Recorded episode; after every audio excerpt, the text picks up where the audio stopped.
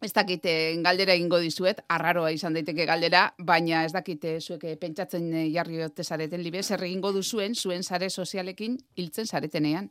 Ba, oaindik ez, baina burutazioaren bat eman detzat, ez soilik hiltzen garenari errepartuta, baizik eta adibidez, azkenengo aldian, desinstalatu ditut e, sare sozialetako aplikazioa muikorretik, eta bai pentsatu dut zer gertatzen den lorratz horrekin, eta zer gertatzen den e, erabakitzen duzunean apur bat gauza bat ustea, joatea beste leku batera, hor geratzen da informazio bat, geratzen da zure mezuak, edukiak, eta abar, eta orduan, Bada, garaia, denok pentsatzen azteko, zer gertatuko den gure eduki digitalekin, gure erentzia digitalekin. Agian urbaiti esango dizkiozu, ez dakit, ba, hau diren pasaitzak badazpada. Mm Ez dakit.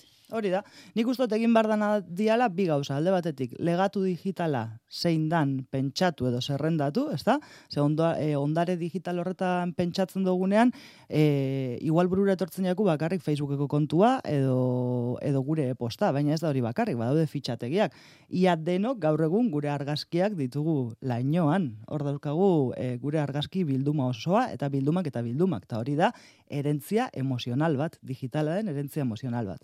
Badaukagu posta elektronikoa, sare sozialak, baina baditu ere arpidetzak, Netflixeko kontuak, Spotify, Amazon, pasaitzak, zenbat pasaitz ditugu gure bizitzetan, sartzeko kontu ezberdinetara, eta inkluso dirua, kriptomonetak, edo saldo digitalak, egon aldirenak joku, online, plataforma eta barri lotuak, orduan, zer gertatzen da horrekin danarekin. Egin beharko duguna da, zerrendatu, eta pentsatu, hila aurretik egin alditugula zenbait gauza, dala gure inguruko norbait e, jarri horren testamentu edo ondare jasotzaile bezala, erentzia digitala ordenatze aldera, e, pasaitz bat emanda, adibidez, igual pasaitz nagusi bat sortuta, pasaitz kudeatzaile baten bitartez. Dena bateratuko lukeena. Hori da, hartu guztiak, eta dena bateratuko lukeen gune batean sartu, pasaitz kudeatzaile zerbitzu ezberdinak daude, eta hor jarri pasaitz nagusi bat, sarbidea emango duena edo zerbitzu ezberdinak erabili antolatzeko apur bat erentzia digitala. Eta gero, hil ondoren, sare bakoitzean edo plataforma bakoitzean, pues egin alda gauza bat edo beste.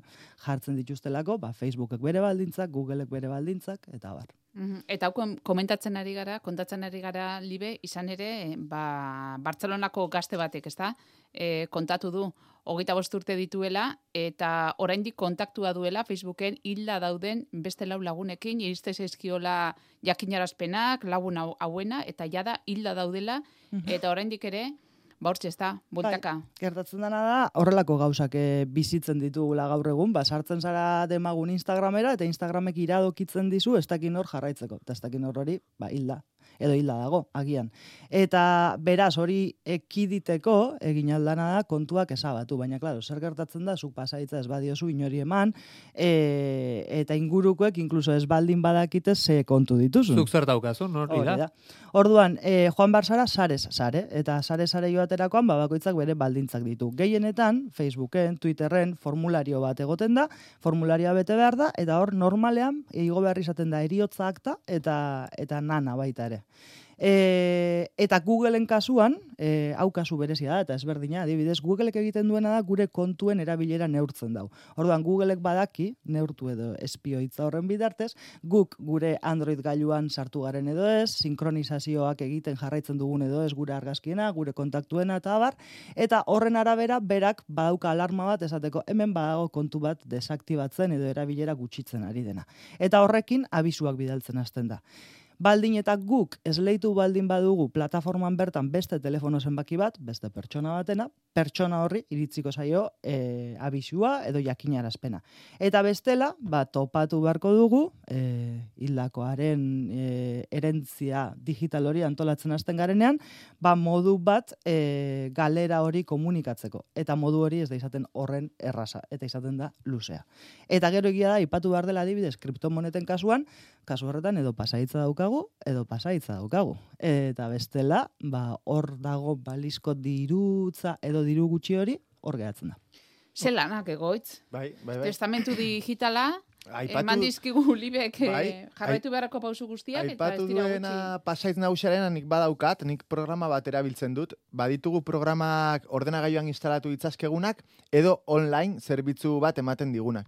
Ni nahiago dut programa nire ordenagailuan instalatuta, baina bueno, besteak ere erabili daitezke eta daukat orduan nik programa irekitzen dut eta programa honek eskatzen dit pasaitz bat eta fitxategi beresi bat.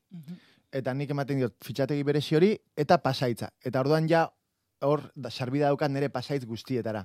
Nik gordetako pasaitz guztietara. Eta, gero, nahi gehien preokupatzen sai dana eriotz baten aurrean, ditudan kontuetatik, e, gehiena da Googleekin erlazioa daukana. Azken finean, ba, Instagram imaginatu, ba, bueno, ba, gustatuko lehitzai ba, Instagram ezabatzea, edo ez, dakit ez. Baina, bueno, ditut ezakit.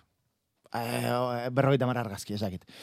Facebook berdin, ez? Baina Googleen ditut gauza asko serioagoak. Lehenengo ez ditut berrogeita mar argazki, ja milaka ditut. Ez? Nik ere Googleen atzaparretan erori naiz, noski, produktu batzuetan.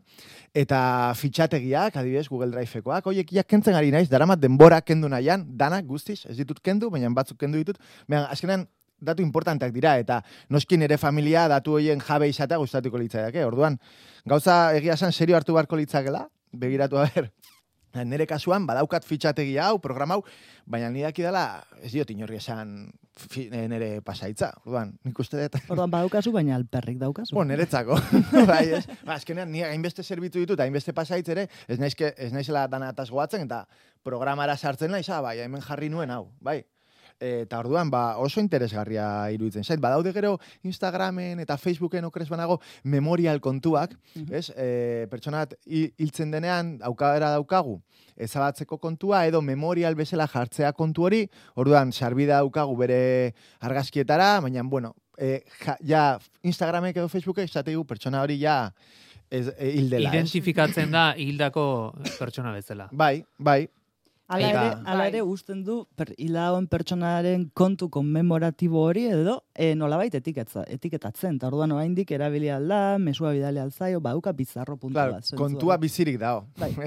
Eta gero nik uste garrantzitsua dela ere ondare digital horretan gero eta gauza garrantzitsu gehiago egon aldira eta baita eskuntzari lotuta ere. Adibidez gaur egun eskuntza gero eta digitalagoa eta digitalizatuagoa denean Google Classroom eta hor atzean dago afera eta usi potolo guzti hori gertatzen dana da gaur eguneko gazteak dabiltzala kriston eh, ondare digital handia sortzen iaia umeak direnetik eta horrekin zer Bai, gertatuko da. Hoien arrastoa izango dela askoz ez ere sakonagoa, ezta? Bai. Horretziko duten lorratz hori eta gero... Guentza baditugu, ez, paperian argazki batzuk.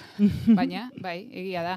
Eta ematen du testamentu digitalarena, bagian jendeak esango da ze tontokeria, baina hemendik urte batzutara gehiago hitz egingo dugula honetaz, Bai. seguruen. Bai, nik uste ja gaur egun garrantzitsua dela, eh? batez ere esate dizuen nire kasuan, eta nik uste gehiengoaren kasuan Googleekin daukagu harremana ikaragarrizkoa da, batez ere batzuk aukeratuta hasieratikan, ba, Gmail kontua erik genulako, bere momentuan da, eta beste batzuk aukeratu gabe, besterik gabe Android mugikor bat erosi dezutelako, Androidek eskatzen dizun lehen gautza da Gmail kontu bat, Kontua, bai. eta zuzenean hasten da gauza guztiak sinkronizatzen, inkluso zu jakin gabe, ez? Argazkiak, eh, dokumentuak, Nundik nora ibili zare? nundik nora ibili zare, inkluso zu jakin gabe.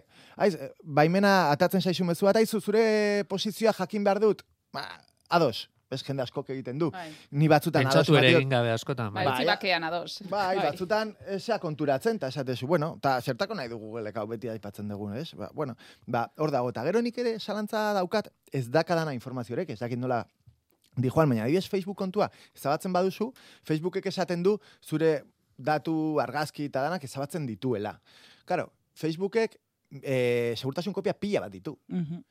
Orduan, benetan ezabatzen ditu segurtasun kopia En guztietan denetatik ezabatuko zure da. datuak edo azken bertsioa demagun eta dagoeneko zure graziak azken bertsio horretan ez daude, baina badaude hor lainoan, ordenagailuetan, hori ezakit, ezakat informaziorik, baina ere zalantzak ditut. Gustatuko litzaizuke hori argitzea, ezta? Dakit.